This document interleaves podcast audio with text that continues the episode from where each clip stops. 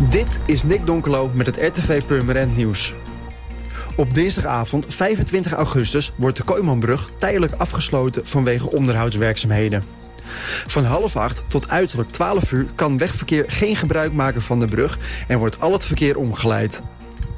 De onderhoudswerkzaamheden hebben te maken met de warmte van de afgelopen periode. Hierdoor zet de brug uit, waardoor deze moeilijker open en dicht kan. Eerder is er al geprobeerd om de brug een klein stukje in te korten, maar dat leidde niet tot het gewenste resultaat.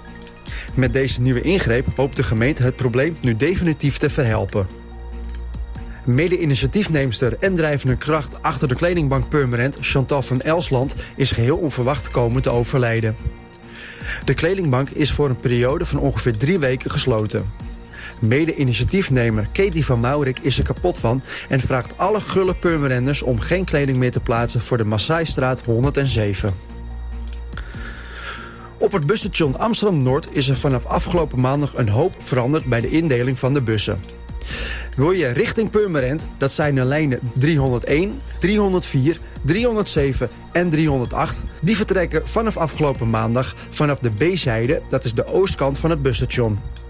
De buslijnen richting Edam en Marken, de 312 en de 315, die vertrekken vanaf de A-zijde. Dat is de westkant van het busstation. En de 319 richting Landsmeer, die vertrekt vanaf de A-zijde, maar dan vanaf de halte A4.